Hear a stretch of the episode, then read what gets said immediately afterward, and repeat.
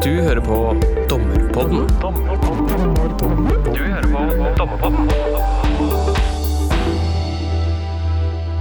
Dette er en episode for de helt ferske dommerne. Og jeg må si, jeg husker godt da jeg gikk inn i rettssalen sjøl for første gang. Jeg var veldig nervøs.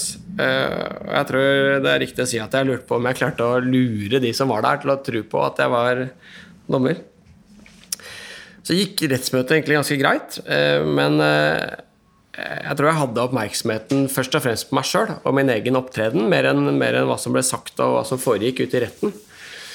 For å, for å begynne å gi si, tips og råd til de ferske dommerne allerede nå, så kan jeg vel si at det kanskje ikke er god dommeropptreden å bare være opptatt av seg sjøl.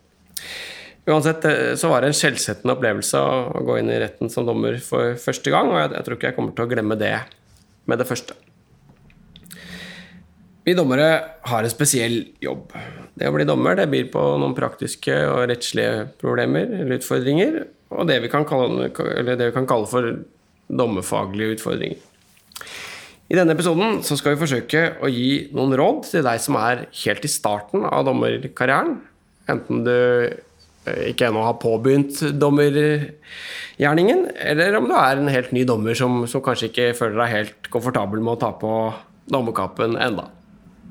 Til å hjelpe oss med det, så har vi fått med oss to gjester som vi kan si er i hver sin ende av dommerkarrieren.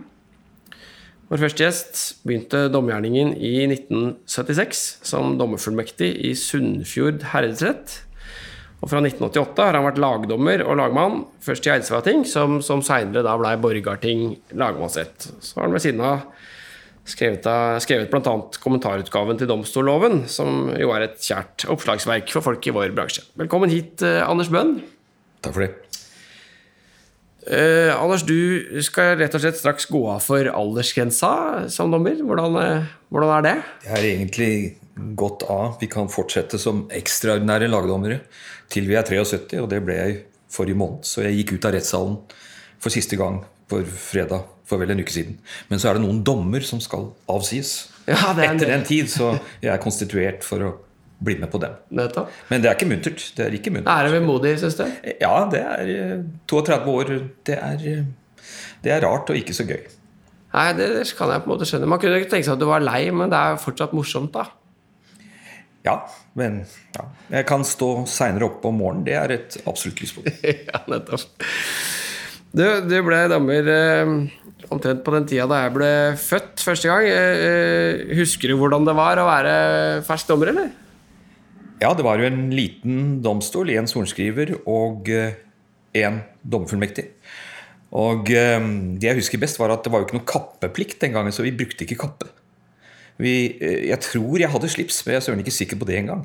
Eh, og, eh, så vi gikk inn i rettssalen, og noen av og til reiseadvokatene seg, av og til gjorde de ikke. Det var veldig avslappet sånn. Og så satt jeg der, da. Og det andre spesielle var jo at dette var Sogn og Fjordane på 70-tallet. Og da hadde det, ikke, det hadde vært ett drap i Sogn og Fjordane i Nordfjord siden Hetle-saken i 30-årene. Det, Det betyr altså at straffesakene var få. Og varetektsfengsling var sensasjonelt. Det var en hel dag i retten og en dag til å skrive en kjennelse omtrent. Det var, så det var veldig annerledes. Det andre jeg husker, var at jeg gjorde en feil. Jeg hørte bare på noen saker av den dommerfullmektigen som var før meg, Steingrim Bull, så hørte jeg på hvordan han gjorde det, og så gikk jeg inn og administrerte. Men jeg leste ikke loven. Nei, Det var dumt, men det kan vi jo komme tilbake til. Ja, det er fått et tips allerede der, eh, Anders. Men det er jo, ikke, det er jo antagelig ganske praktisk. Jeg også husker det da jeg begynte som dommerfullmektig, at eh, det var mye å gjøre det de andre dommerfullmektene fortalte meg at jeg skulle gjøre. Og kanskje lite å lese i primærkildene. Nei, men supert, Anders. Dette får vi komme tilbake til. Vi må introdusere vår andre gjest, som er en, eh, skal vi si, en relativt fersk eh, dommer. Eh, hadde et par år som advokatfullmektig i Thommessen, før hun ble dommerfullmektig ved Nordre Vestfold tingrett, senere Vestfold tingrett, tingrett i februar 2018. Og så to år seinere så bytta du ut Vestfold tingrett med oss i Oslo tingrett. Eh, Velkommen hit, eh, Fanny Brattfoss. Tusen takk. Veldig hyggelig å være her. Ja. Du, du har jo noen år som dommerfullmektig bak deg, eh, men husker du uh, hvordan det var å ta på dommerkappa for første gang? Ja, jeg måtte eh, liksom eh, lete litt bak i hodet for å, for å finne frem tilbake til den følelsen. For man blir jo liksom vant til eh, etter hvert da, hvordan det er å være dommer. Men jo, jeg husker jo det som veldig, veldig spennende. Eh, og akkurat sånn som du sier, at jeg også gikk inn i salen og skulle lure aktørene der til å tro at uh, dette kan jeg. Uh, jeg husker at jeg syntes det var veldig rart første gangen jeg skulle si 'retten er satt'. Da fniste jeg litt inni meg. Hadde egentlig lyst til å fnise høyt, for det syntes jeg var så unaturlig. Uh, men ja, heldigvis så fniste jeg ikke høyt, da. Det hadde jo vært litt rart, kanskje. Det er, sant, det er jo en del sånne rare ting man skal si, som er, man ikke sier i, i, i sitt privatliv, kanskje. Det er nettopp det. Men lot de seg lure da, Fanny? Jeg håper jo det, da. Det gikk jo greit. Men man har jo eh, feilet og lært underveis. Så det er jo litt av det vi kanskje skal snakke litt om i dag, da. Ja, det er vel også et, kanskje et tips vi kan ta allerede. At det å, det å være, være, åpen for at man kanskje gjør noe gærent, det er ikke så dumt. Det er både i dommerrollen og i livet. Ålreit. Eh, Anders og Fanny, vi har altså tatt på oss eh, den store oppgaven å gi ferske dommere noen råd på veien. Jeg tenkte kanskje vi kunne eh, begynne med dommerrollen, for, fordi det ga meg noen søvnløse netter i begynnelsen. Så det er en spesiell rolle. Knytter seg masse forventninger til den rollen, og det er mye hensyn å ta hvordan man, man ter seg som dommer. Du var på en måte allerede litt inne på det. Ja, begge var egentlig inne på det. Anders med denne bekledningen, hvordan man kler seg, og, og Fanny med liksom alle disse tingene vi skal si. Men skal du, Anders, som, som, kanskje har mest erfaring av oss tre, da, om du kan si noe liksom overordna, hva, hva er det som kreves for å lykkes i dommerrollen, sånn du ser det? Det er et veldig viktig utgangspunkt. Altså, man er jo nervøs, og særlig til å begynne med. Det er jo helt naturlig. Man, det er at all den type redsel eller nervøsitet er jo redsel for det ukjente, for at noe skal skje som man ikke har kontroll på. Men da er det viktig å huske én ting, og det er at som dommer så vil jo alle i rettssalen deg vel. De vil være venner med deg. Tenk på advokaten. Jeg har jo vært advokat noe. Advokaten har en vanskelig oppgave. Han skal tilfredsstille sin klient. Han skal hele tiden være i slagsmål med motparten i form av motargumenter og være på vakt hele tiden. Og han vet ikke hva slags dommer han får. Dommere er forskjellige, og advokaten kan en, den ene, fra den ene dagen til den annen i forskjellige rettssaler møte dommere som opptrer forskjellig, som sier 'nei, sånn gjør vi det ikke her'. Men du som dommer, deg vil de være venner med. De vil bare gjøre deg til lags for å ha deg på best mulig uh, fot og, og, få en, en riktig avgjørelse. Det er en veldig viktig og god ting å ha i tankene. Du har hjemmepublikum, på en måte? Du er absolutt på hjemmebane. Nettopp. Nettopp. Det, det, jo, det, kan jo kanskje trygge oss litt, da. At, uh, men det er jo litt farlig, det der òg. Fordi, fordi baksiden av den mynten er jo at du får jo ikke korrektiv hvis du oppfører deg dårlig. Altså, I hvert fall i liten grad, da. Fordi alle vil være venner med deg, så, så kan du gjøre ganske mye gærent uten at noen sier noe til deg. Eller hva tenker du, Anders? Jo, uh, det er, jeg, det er jeg enig i. Men uh, der kommer jo selve dommerrollen. altså hvordan skal man, Hva skal man gjøre? Og da er det min, etter min mening er det jo bedre altså Kjenn saken. Les saken godt på forhånd. Jo bedre du kjenner den, jo enklere er det å gjennomføre. Jo enklere er det å få avklart ting osv. Og, så og ikke minst Sett deg inn i det tekniske. Du, du føler deg med en gang utafor. Hvis du ikke greier å dra ned uh, gardinene hvis en advokat har sol i øynene, eller du greier ikke å få til video eller sånt noe. Kun det må du kunne. ikke sant? Så, så, så, men, men, man må hele tiden tenke på egen oppførsel. Nå det jo, kommer det ofte anker, da. Og, og, der kan det hende at uh, advokaten uttaler seg kritisk om saksbehandlingen. Så helt uten korrektiv er man vel ikke. Det er et godt poeng. Jeg vet ikke, Fanny, Har du noe, noe, noe å tilføye på liksom litt om overordnet hva vi, hva, hva, eller noen råd vi kan gi til de nye dommerne om hvordan de skal lykkes i dommerrollen? Er det Det er jo et stort spørsmål. Det må jeg si. Eh, så Eh, men jeg tror, hvis jeg skal si noe litt sånn overordnet, så tenker jeg det å eh, være bevisst på hele tiden den, egentlig den enorme makten man har. da. Eh, og ha veldig respekt for den rollen. Eh, det tror jeg at hvis man mister det eh, underveis i dommergjerningen, så tror jeg ikke man ter seg så bra som dommer.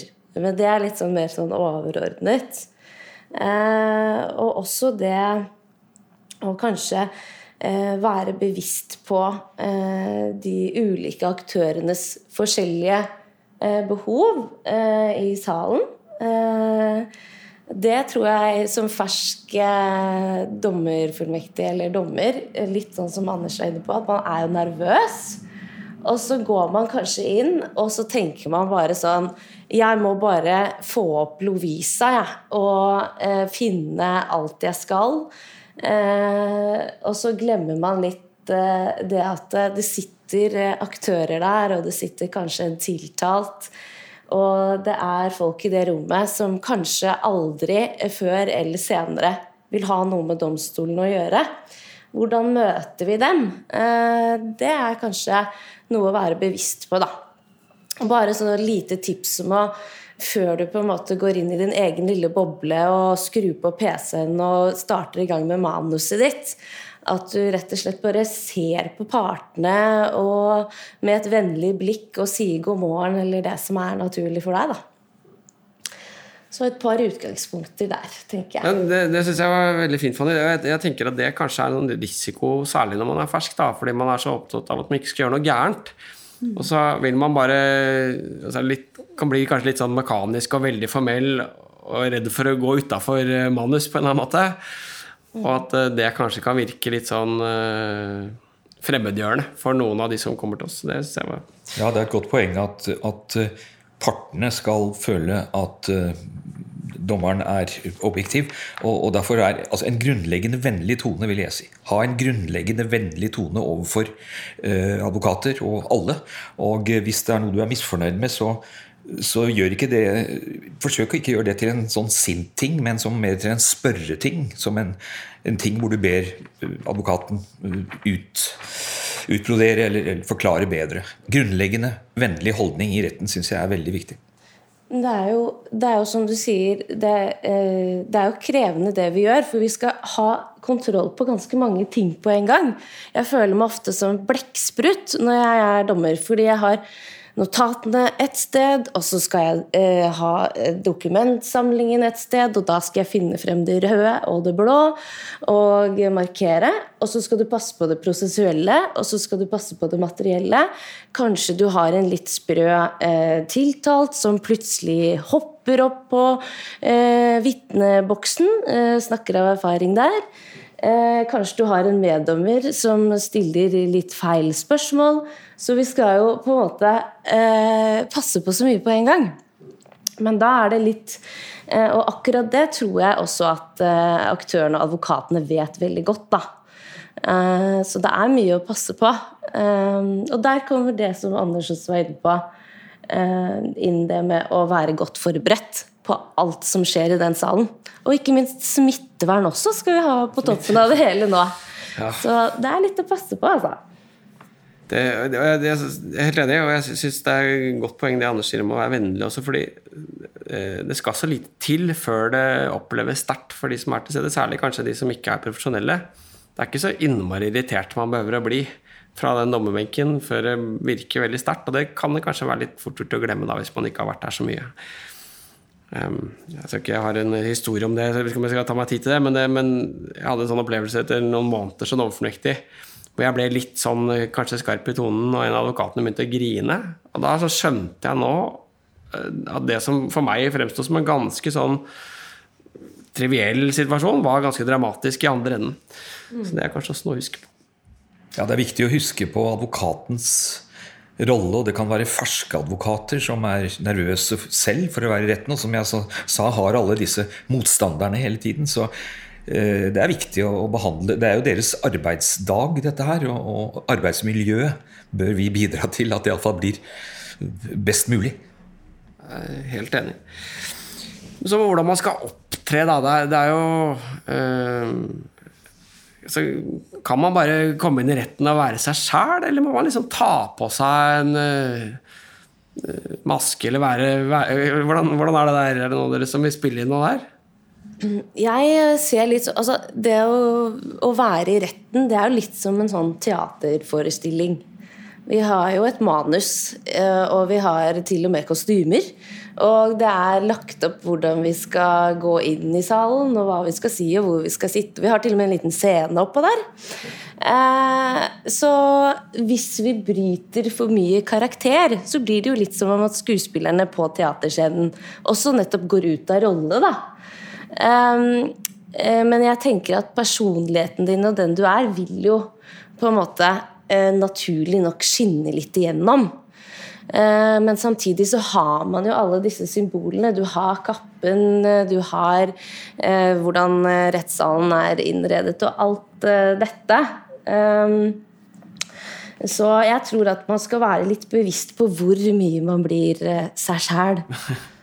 for å si det sånn. Jeg hadde en kjæreste som sa at hun mente at ingen burde være seg sjæl mer enn ca. 70% så ja. Det var så i og utenfor retten. Det var ganske godt sagt.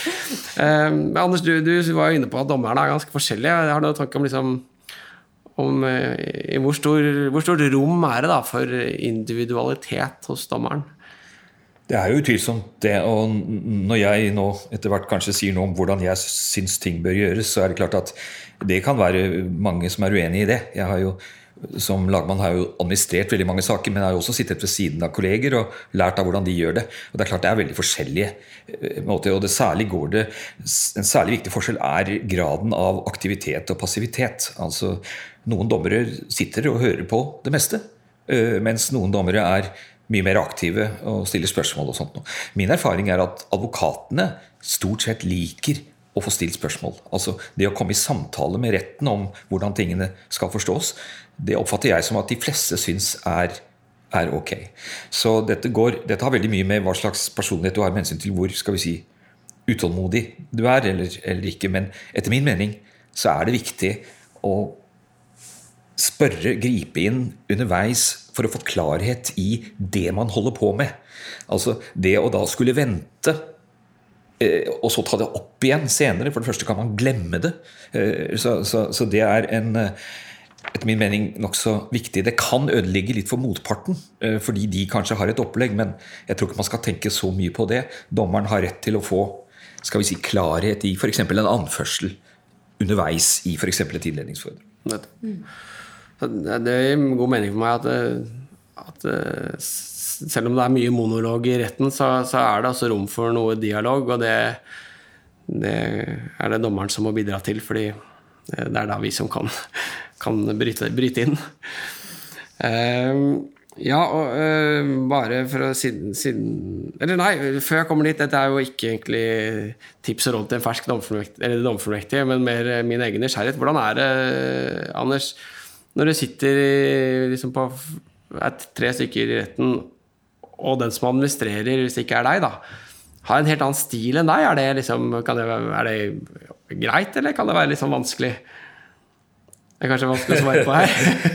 det, er, det er både òg, men det er klart det er en Det å bli ekstraordinær, og da kan man ikke administrere.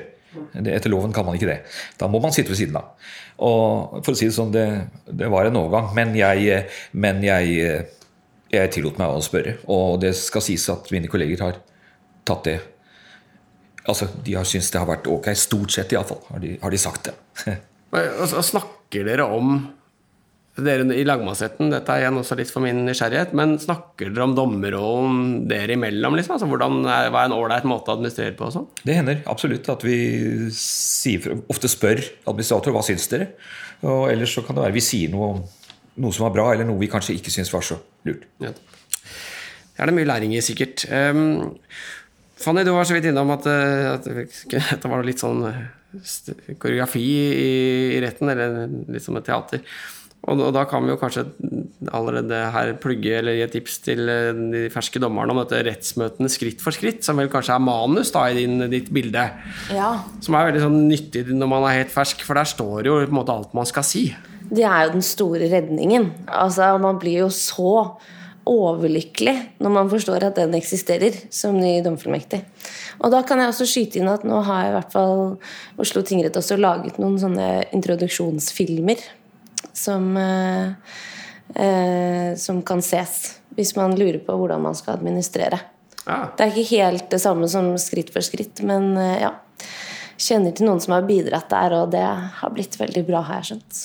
Du var jo innom eh, at, eh, Anders, at dere av og til snakker om, eh, om dette med administrerer, og hvordan man gjør det på en ålreit måte i lagmannsretten. Og en måte man kan få til det også i tingretten som fersk dommer, eller dommerfullmektig, er eh, så Ofte skal, så skal man jo inn i en sånn endommersak i de første sakene man går inn i. og Da er det ofte et rettsvitne med, som, som normalt ikke er domstolsansatt, men i hvert fall i Nedre Romerike tingrett, da jeg begynte, så, så pleide vi da i de første par rendommersakene å ha med en litt mer erfaren dommerfullmektig som rettsvitne, som kunne liksom sitte ved siden av og, og høre på. Så kunne man snakke om det etterpå, hvordan det funka. Det, det både ga det veldig god som trygghet for, for meg som ny, og det eh, var en sånn fruktbar diskusjon etterpå om, eh, om man hadde opptrådt på en ålreit måte eller ikke.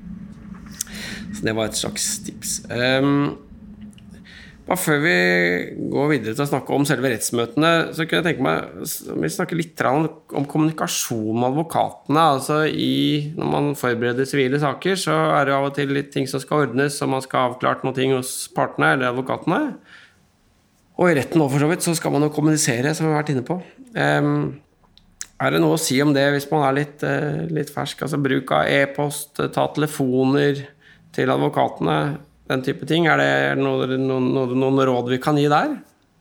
Er det ålreit, Anders, eksempel? Er det ålreit å ringe en advokat? Du skal, du skal være veldig forsiktig med å kommunisere bare med, med én part. Med én advokat, det vil jeg si. Det skal du være veldig forsiktig med.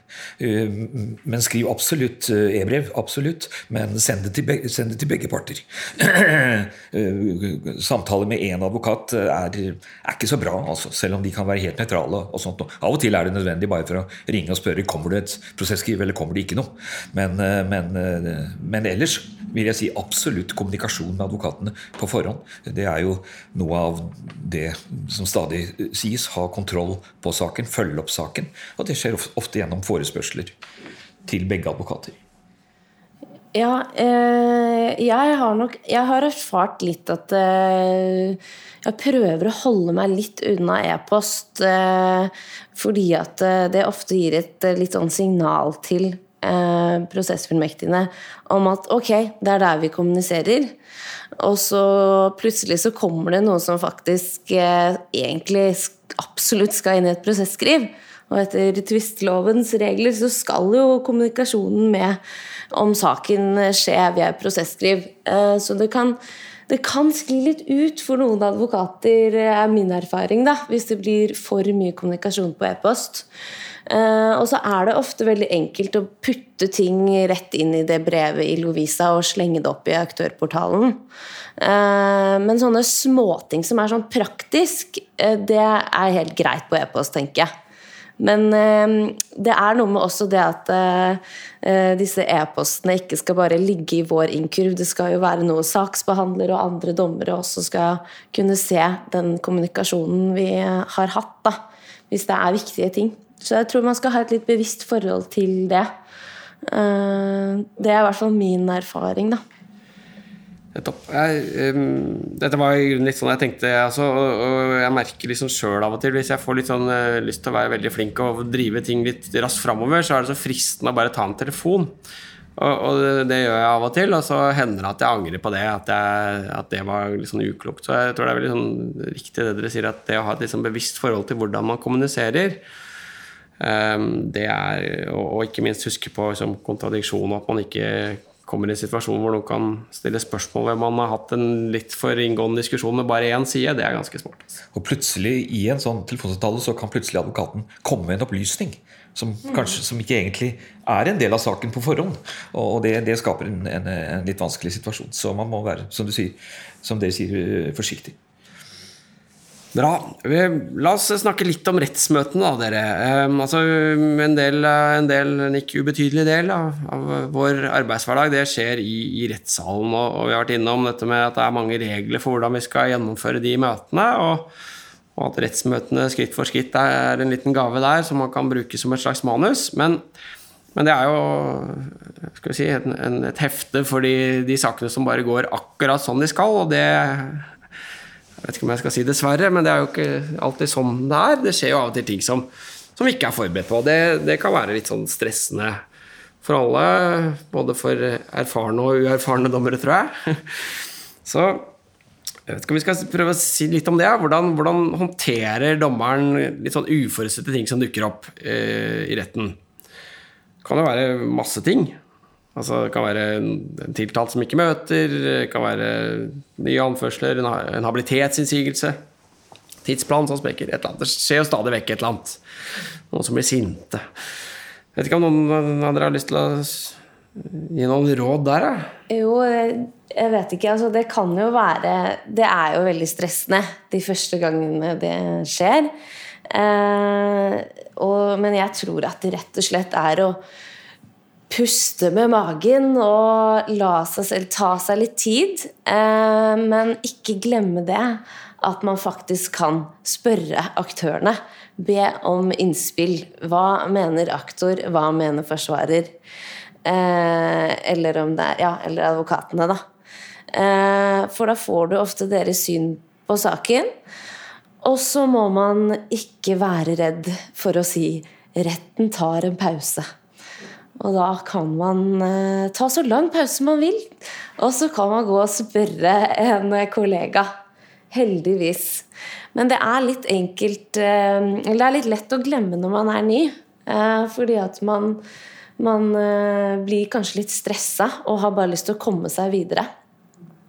Og så har jeg også en erfaring faktisk med at hvis det skjer sånne uforutsette ting, så syns jeg ofte at det egentlig kanskje Det er kanskje ofte sånn en advokat som egentlig bare litt sånn eh, spontant kommer med noe. Som ikke kanskje til og med fra advokatens side er så gjennomtenkt, men at eh, advokaten reagerer på noe som har blitt sagt, eller et eller annet. Eller kanskje må vise seg litt fremfor for klienten sin. Og så, hvis du da som dommer rett og slett setter deg litt tilbake og lar motparten svare litt på det, og eh, så har de plutselig en dialog, og så kan du spørre til slutt Ja, men er det egentlig en ordentlig innsigelse som kommer her, da, advokat, eh, bla, bla? Og så er det kanskje ikke det. Så ofte sånne ting som man kan bli stressa av når det først kommer opp, løser seg litt eh, av seg selv, syns jeg. Mm. Så det er i hvert fall mitt, mitt sånn overordnede tips. Det er gode råd, eh, Fanny. Mm -hmm. Noe supplere der, Anders? Jeg er helt enig at uh, hvis det kommer innsigelser eller ja, prosessuelle ting, så ber man advokaten om å utdype hva han mener. Eventuelt er det noen bestemmelser du vil vise til. Og så sier man hva sier motparten om dette. Og, og, som du sier, som, som Fanny sier, så, så, vil dette ofte kunne løse seg opp. Hvor man sier at, f.eks. sier at ja, dette kan vi eventuelt ta seinere hvis det fortsatt er et problem når vi er ferdig, eh, eller senere på dagen. Det er også en, en, en mulighet. Um, eh, så det er eh, en, en, fin ting. Um, vi har også det som ofte oppstår, det er at mens en advokat f.eks. holder et innledningsforedrag Fanny snakker mye om straffesaker, jeg er mest vant til det sivile, selv om vi har masse straffesaker også. Og det er, Da kan det være ofte at motpartens advokat sier ja, men sånn er det ikke. Og da skal man etter min mening ikke være umiddelbart sur og si du skal få ordet etterpå.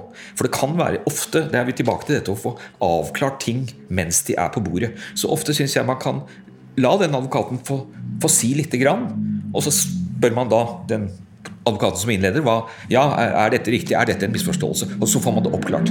Det hender også at uh, en part faktisk reagerer.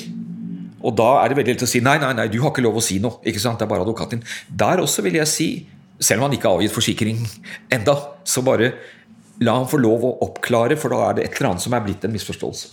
Så oppklaringer underveis er etter mitt syn eh, fint. En litt avslappet holdning. Men hvis advokaten stadig driver på den andre advokaten stadig sier ja, men, ja, men, så må man si nei, vi kan ikke ha en diskusjon gående nå under innledningen. Eh, du, du får ordet etterpå.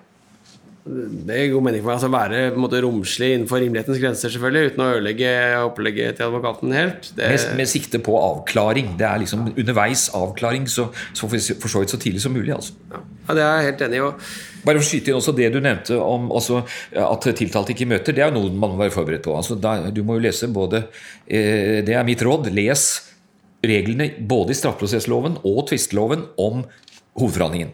Les de reglene. Og ha dem i bakhuet. Og, så da vet du hva du skal gjøre hvis, du, eh, hvis tiltalte ikke møter. Men da gir du selvfølgelig også ordet til aktor og forsvarer eh, først, for å høre hva de mener om dette. ikke sant? Eh, så, så det er ja, da får du ofte veldig god hjelp. Altså, jeg er jo helt enig, Det beste vil jo være hvis vi, hvis vi kan alt, på en måte, eller har forberedt oss godt nok, men, men der selv der man kanskje burde gjort det, så, så er det jo veldig mye hjelp i å spørre advokatene. Ja. fordi det er masse kunnskap som er der ute i rommet, som, som du kan dra veksler på. Så kommer den vanskelige situasjonen, og det er at en advokat sier at du er inhabil. Den er ikke morsom.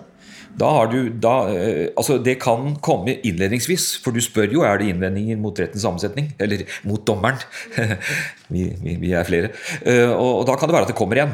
Eh, eller så kan det være at det skjer noe underveis som gjør at en, en advokat som vi da syns er litt vanskelig, sier eh, nei, nå mener jeg du er inhabil. Og, og Da er det bare å huske på at i prinsippet, hvis det er dette man spør, er det en inhabilitetsinnsigelse, omføres det at jeg er inhabil, så må en annen dommer tilkalles for å ta seg av det spørsmålet. Så da tar man det inn i en formell, uh, formell ting, hvor det kommer en annen dommer som hører på argumentene og avsier en kjennelse om inhabilitet eller ikke. Og bare, dette syns jeg er gode råd, alt det som har kommet så langt. Og bare, men bare én ting når det gjelder rent sånn praktiske ting, f.eks. tidsplanen som sprekker, så har jeg ganske god erfaring med også da å liksom snakke med advokatene om det. For altså min, min erfaring er at de fleste advokater de ønsker å bidra positivt i prosessen. Og istedenfor da å begynne å kjefte, så har jeg ganske god erfaring med å spørre ja, hvordan skal vi løse dette av dere. Og da syns jeg ofte man får hjelp. Så sånn at eh, Jeg er helt enig i det. og og der er det vel en tendens Advokatene har en tendens til å undervurdere hvor lang tid ting tar. Slik at de felles planene de kommer med, de svikter veldig ofte. Det tar lengre tid. Det kan også ha sammenheng med at dommerne er aktive. Det, da tar det lengre tid, for spørsmål og svar tar tid. Og jeg, jeg må si vi bør ikke mase for mye om tid. altså. Vi bør ikke gjøre det. Men det er viktig selvfølgelig at begge sider får like mye tid. Best mulig, iallfall. Men det er viktig også, det er veldig viktig av hensyn til partene, altså, tiltalte og de partene de, i de sivile sakene, at de ikke føler at deres advokat får liksom ikke sagt det som de gjerne vil at advokatene skal si. Det er viktig at de føler at de blir hørt, og da skal man ikke mase for mye på tiden, etter min mening. Men det er en vanskelig balansegang når, når, det, når det flyter litt. Ja, men tidsplan er utfordrende, syns jeg. For vi har jo ansvaret for at den skal følges. Men det er akkurat det som du sier, hvis man har dialogen med aktørene, så går det bedre. At de er bevisst underveis hele tiden. Og også opplyser dem om at nå, advokat, så har du brukt så og så mye tid, og sånne ting. Fine, det fine skillet mellom å minne om tiden og mase om tiden. Ja, ikke sant? Ja. Så man vil ikke få en sånn stresset stemning heller. Så ja. Um, bare en liten ting når det gjelder disse prosessuelle problemstillingene som kan oppstå i retten, så, så er det jo laga en liten bok. Marianne og Christian Reusch har skrevet en bok som heter 'Retten er satt'. Håndbok ved behandling av straffesaker og sivile saker. Som er ganske sånn fin. Det er en del sånn praktiske ting, og det står ikke så mye om hver, hver problemstilling, så det kan være et sånn fint oppslagsverk da, hvis man er helt fersk. Ja. Um, kan jeg ta en liten ting som, om, om dette som tvisteloven innførte, denne at dommeren ved innledningen av saken skal gjøre rede for problemstillingene og anførsler og påstander. Eh, det må jo egentlig ha vært en, en, en, en skal vi si, en liten mistillit til, til, at man mente at dommere gikk helt uforberedt i retten. Ja. Og det kan jo ha vært en tradisjon kanskje for at det var dårlig forberedelse. Men nå har vi jo planmøter og, og hvor ting diskuteres og sånt. Så etter min mening er den relativt egentlig overflødig. Advokatene skal legge fram saka, og særlig i lagmannsretten blir det relativt synes jeg er meningsløst at administrator skal begynne. Så mitt, mitt, poeng er bare gjør det så kort som mulig. Og etter min mening ikke Hvis du mener at det er noe rart med anførslene, eller hvis du mener at en påstand ikke er vel formulert, ikke ta det da.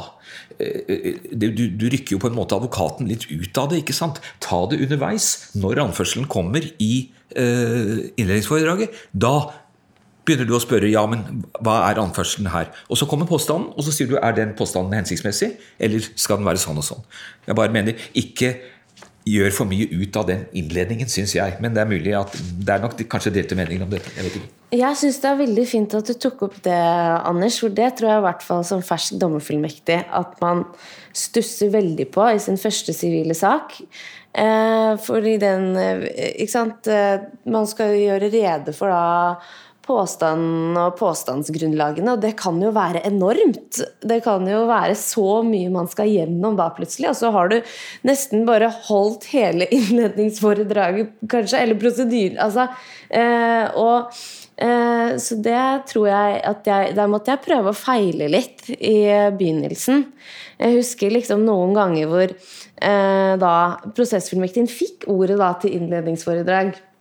Og så var det ja, saksfremstillingen, og så var det sånn Ja, som dommeren allerede har nevnt, så Ikke sant? På hvert eneste punkt. Eh, og det, det, blir litt unaturlig, det også. Så man må finne en balanse der, jeg er helt enig. Ja. I en sak om erstatning i entreprise, så, så vil jeg si at uh, firma A har krevd oppfyllelse av kontrakten overfor B med et krav på så og så mye. Subsidiært negativ kontraktsinteresse. Og jeg overlater til advokaten å gjøre nærmere rede for, for saken. Ja. Men, eh, men, det er mulig at noen vil si at det ikke er helt i tråd med tvistlovens krav. Det, det, det, er mulig, og det kan, som du sier, Anders, sikkert noen delte meninger om dette, men det er min erfaring òg, er at eh, hvis jeg bruker for lang tid på den innledningen, så blir advokatene utålmodige. og og, følger ikke spesielt godt med på det jeg sitter og holder på med. Så. Men kanskje vi kan snakke litt om eh, altså En ting er liksom prosessuelle ting som oppstår, men hva med liksom andre typer vanskelige situasjoner som, som oppstår? Altså det er jo vi opererer jo med folk som er i konflikt, og, og, med advokater som representerer folk i konflikt. Og det hender jo at det blir litt sånn uh, amper stemning, eller uh, litt sånn vanskelig i relasjonen da, mellom enten retten og advokat eller mellom advokatene. Mye avbrytelser, den type ting. Er det noen gode råd vi kan gi til, til den ferske dommeren eh, når det gjelder den type situasjoner? Jeg, var, eh, jeg, har en historie. Eh, jeg jobbet som juridisk sekretær for Høyesteretts kjærmålsutvalg. Nå heter det utreder. Og I den tiden så gikk moren min eh, pensjonist og gikk en del og hørte på i Høyesterett. Og hun hadde en evne til å komme de få gangene det skjedde noe i Høyesterett. Og en gang så var det en sak, og plutselig var det en tilhører som kastet egg mot dommerne. Og de knuste, og rettens administrator Helge Røstad, høyesterettsdommer Røstad, fikk egg på det fiolette på, på kappen. Tørket det bort og tar, retten tar pause. Ja. Det, er, det, kan, hvis det, blir, det kan være en mulighet, og så snakker man med noen, en rettspedient eller et eller annet i, i pausen, kanskje. Men retten tar pause er, eh, det er kan ha en del for seg. et godt råd. Men uh, det er et vanskelig punkt, det her. Men vi kan jo kanskje understreke det for de ferske dommere og dommerfullmektiger at heldigvis er det jo meget sjeldent at eh, det skjer noe, eh, noen sånne episoder. og eller også at advokater er litt uh, gufne i retten. Det er heldigvis sjelden, for det er jo som vi har snakket om før. Dette er vår arbeidsplass, og vi vil et, vi vil jo ha det hyggelig på jobben, alle aktørene også. Men så finnes det jo litt noen advokater som er litt mer sånn Ja, som brummer litt mer enn andre.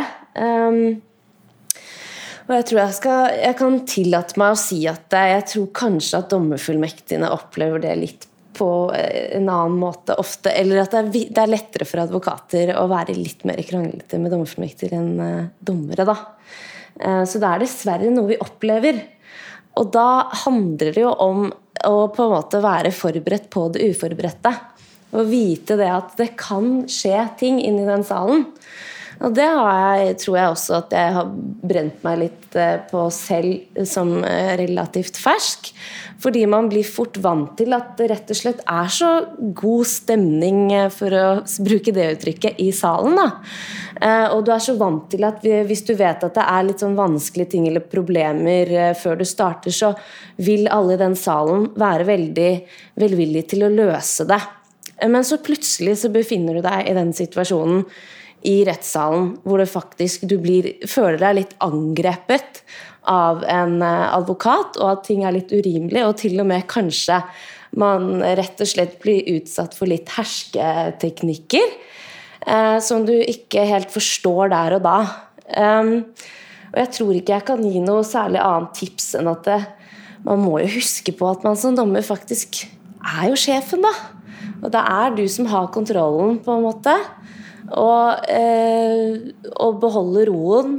Eh, og også selvfølgelig, som vi har vært inne på mange ganger nå, ta en pause. Hvis man kan. Hvis sånne ting skjer. Men også eh, det som vi har vært inne på, at man spør advokaten da ja, Anfører du noe, eller har du nå et krav? Er dette, er dette en prosessuell innsigelse, eller er det et prosessuelt krav fra din side? Så må det klargjøres. Og så spør man motparten hva motparten mener, for å få i gang den situasjonen hvor man liksom får en oversikt. Eh, men også eh, tror jeg en taktikk kan være å si at eh, til advokaten Du, du skal få ordet senere. Da kan du ta opp dette. Men vi lar det ligge nå. Kanskje. Det er en mulighet. Ja. Det syns jeg er god råd. Det, det, det, jeg, jeg, vil tenke at det er, veldig viktig at man ikke blir sint. Altså fordi, i hvert fall Hvis man føler seg litt sånn angrepet og, og, at noen er veldig urimelig mot en, så, så kan i hvert fall jeg er litt sånn hissig, kan, kan, bli litt irritert. Og det tenker jeg man må bare passe seg veldig for, og det har vi vært innom. Og det handler om at, at man sitter der man sitter. Ja. Uh, og da om man da tar pause for å, for å la advokatene roe seg ned, eller om det er for at man skal roe seg selv ned, det er kanskje ikke så nøye, men at det kan være et ganske fint verktøy. Um, så, så, må jeg igjen da slå et slag for å, å snakke med advokatene. Altså, noen ganger så er det jo i saker hvor det er litt høy temperatur, advokatene avbryter hverandre mye. Og det å da ta en liten pause og bare be advokatene bli igjen i rommet og så si at liksom, dette, dette, jeg syns ikke dette funker så bra. Det blir litt ustrukturert og vanskelig, og jeg syns ikke vi liksom gir rom for hverandre her. Hvordan skal vi løse det? Det syns jeg ofte Hvis man gjør det på en ålreit måte, syns jeg ofte man får mye mer velvillige advokater etterpå. Så, så det eh, og så må man huske på liksom advokatenes rolle. Da. De har jo lov til å være advokater, og de har en jobb å gjøre. ja, de har den klienten de har, eh, og den saken de har. Og det må vi huske på. Ja. Mm. Og der er det jo også den store forskjellen altså at tingrettsdommere og dommerfullmektiger altså dere har jo en mye vanskeligere jobb enn oss. Saken er ny. Eh, det er førstegangskonflikt. Eh, mye er uavklart, kanskje.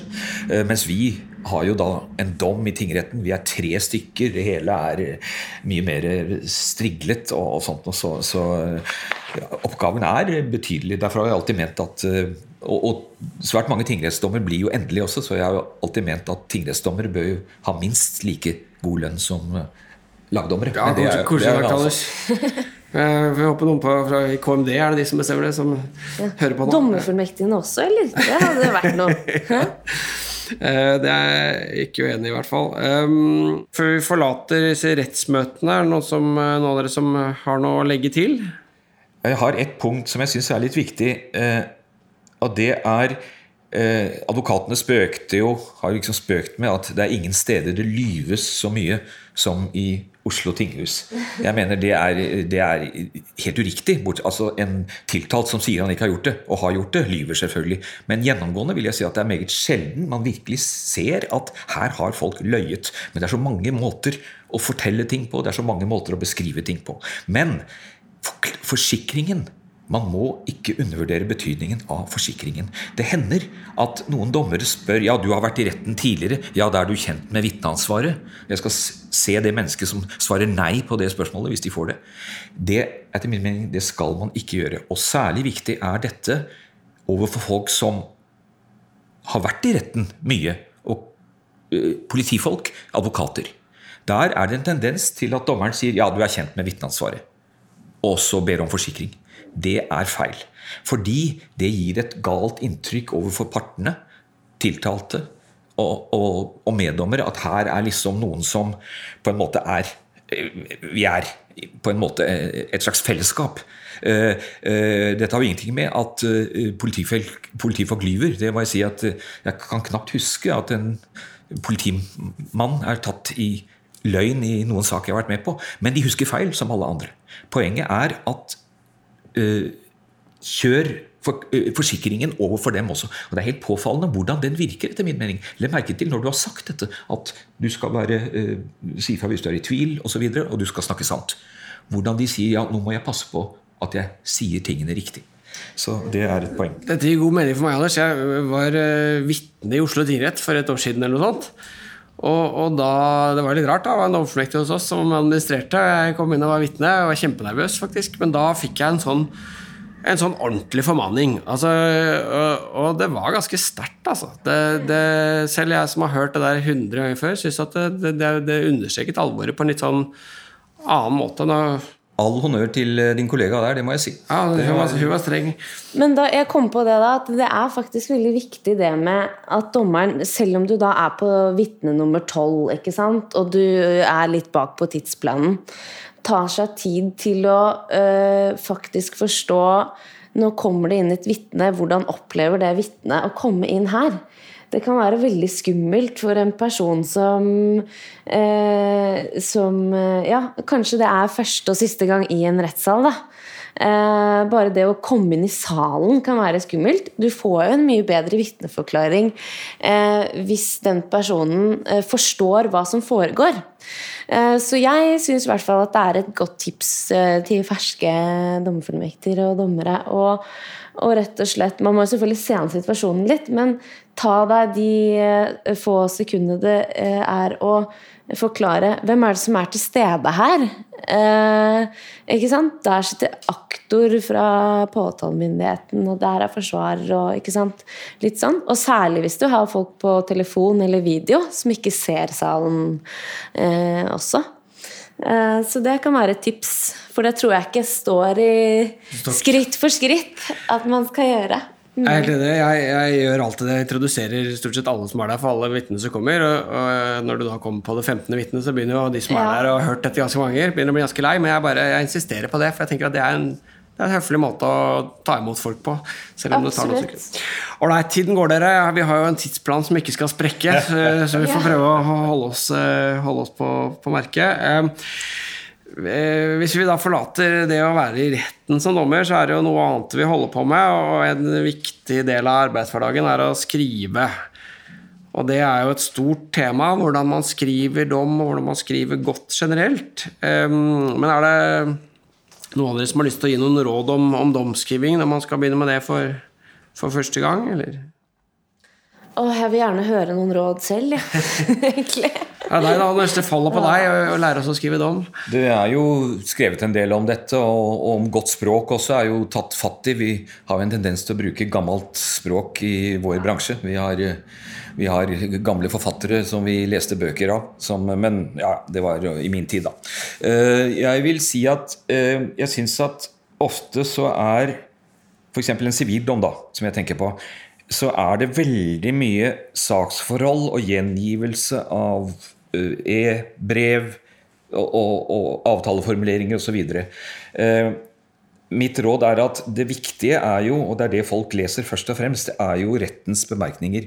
Og det å da trekke de skal vi si, de viktige passusene, de viktige formuleringene, heller inn i drøftelsen, altså i rettens egne bemerkninger, syns jeg gir bedre, en, en, en, bedre komposisjon på dommen. For ellers kan det ofte bli veldig gjentagende. Masse står det foran om hva som ble skrevet, og så kommer man tilbake til det etterpå. Det er en, et, et, et, råd jeg vil, jeg vil Kret og godt tips, eh, og det er jeg helt enig i. Det eh, blir bedre, lettere å lese og mindre gjentagelser. Mm. Men, uh, men det Ja Sånne småtips er jo rett Eller som jeg også husker at jeg fikk tips om på dommerfullmektigkurset. Kom i gang raskt! Bare få noe ned på papiret. For kanskje du har hatt en vanskelig sivil sak som var over mange dager, og så sitter du der og klør deg i huet og lurer på hvordan i alle dager skal jeg begynne? Eh, men å bare få et eller annet ned på papiret, Det er helt riktig. og så skrive litt hver dag, så, kom, så blir det en dom til slutt. Eh, eh, det. er i hvert fall min erfaring. Og så er det på en måte noe med det at det, det skal bli godt nok, da. At eh, eh, vi skal svare på den oppgaven vi har. Eh, vi skal ikke skrive Det er ikke noe doktoravhandling. Det tror jeg også kan være vanskelig de første gangene man skriver dom som domfullmektig og dommer, at man har lyst til å vise seg selv og kollegene sine og partene og alle at det, det, jeg er riktig person for jobben. Eh, men eh, ja.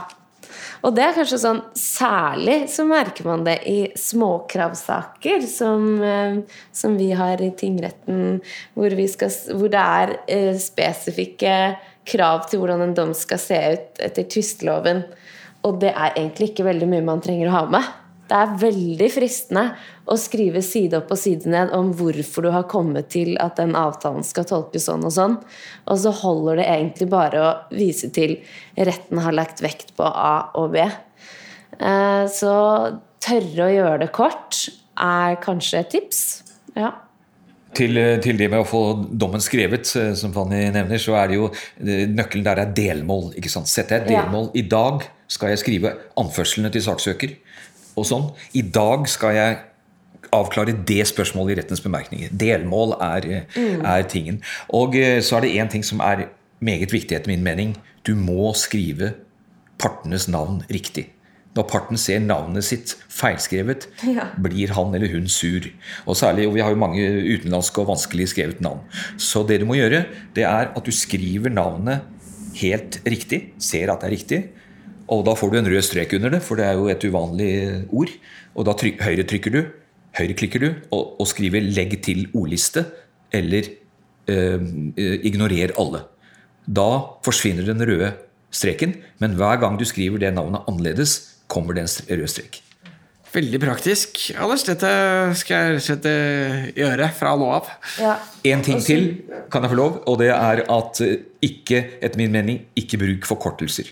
Ikke skriv Bøhler Eiendom, heretter BE. Skriv Bøhler Eiendom. Kutt ut AS-et etter at du har skrevet det første gang, men skriv det. Det er så mye bedre og så mye finere å lese. Og du kan jo bruke søk og erstatt etterpå, så du kan gjøre det veldig enkelt ved å bruke x-er og y-er, og så bare få inn teksten, altså navnene etterpå. Jeg bare, Dette er sånn personlig at jeg, synes det er så mye lettere å lese en, en, en dom som ikke inneholder en masse uh, uh, forkortelse, hvor du bl.a. glemmer på en måte ja, at det er et eiendomsselskap, da, for det står BE.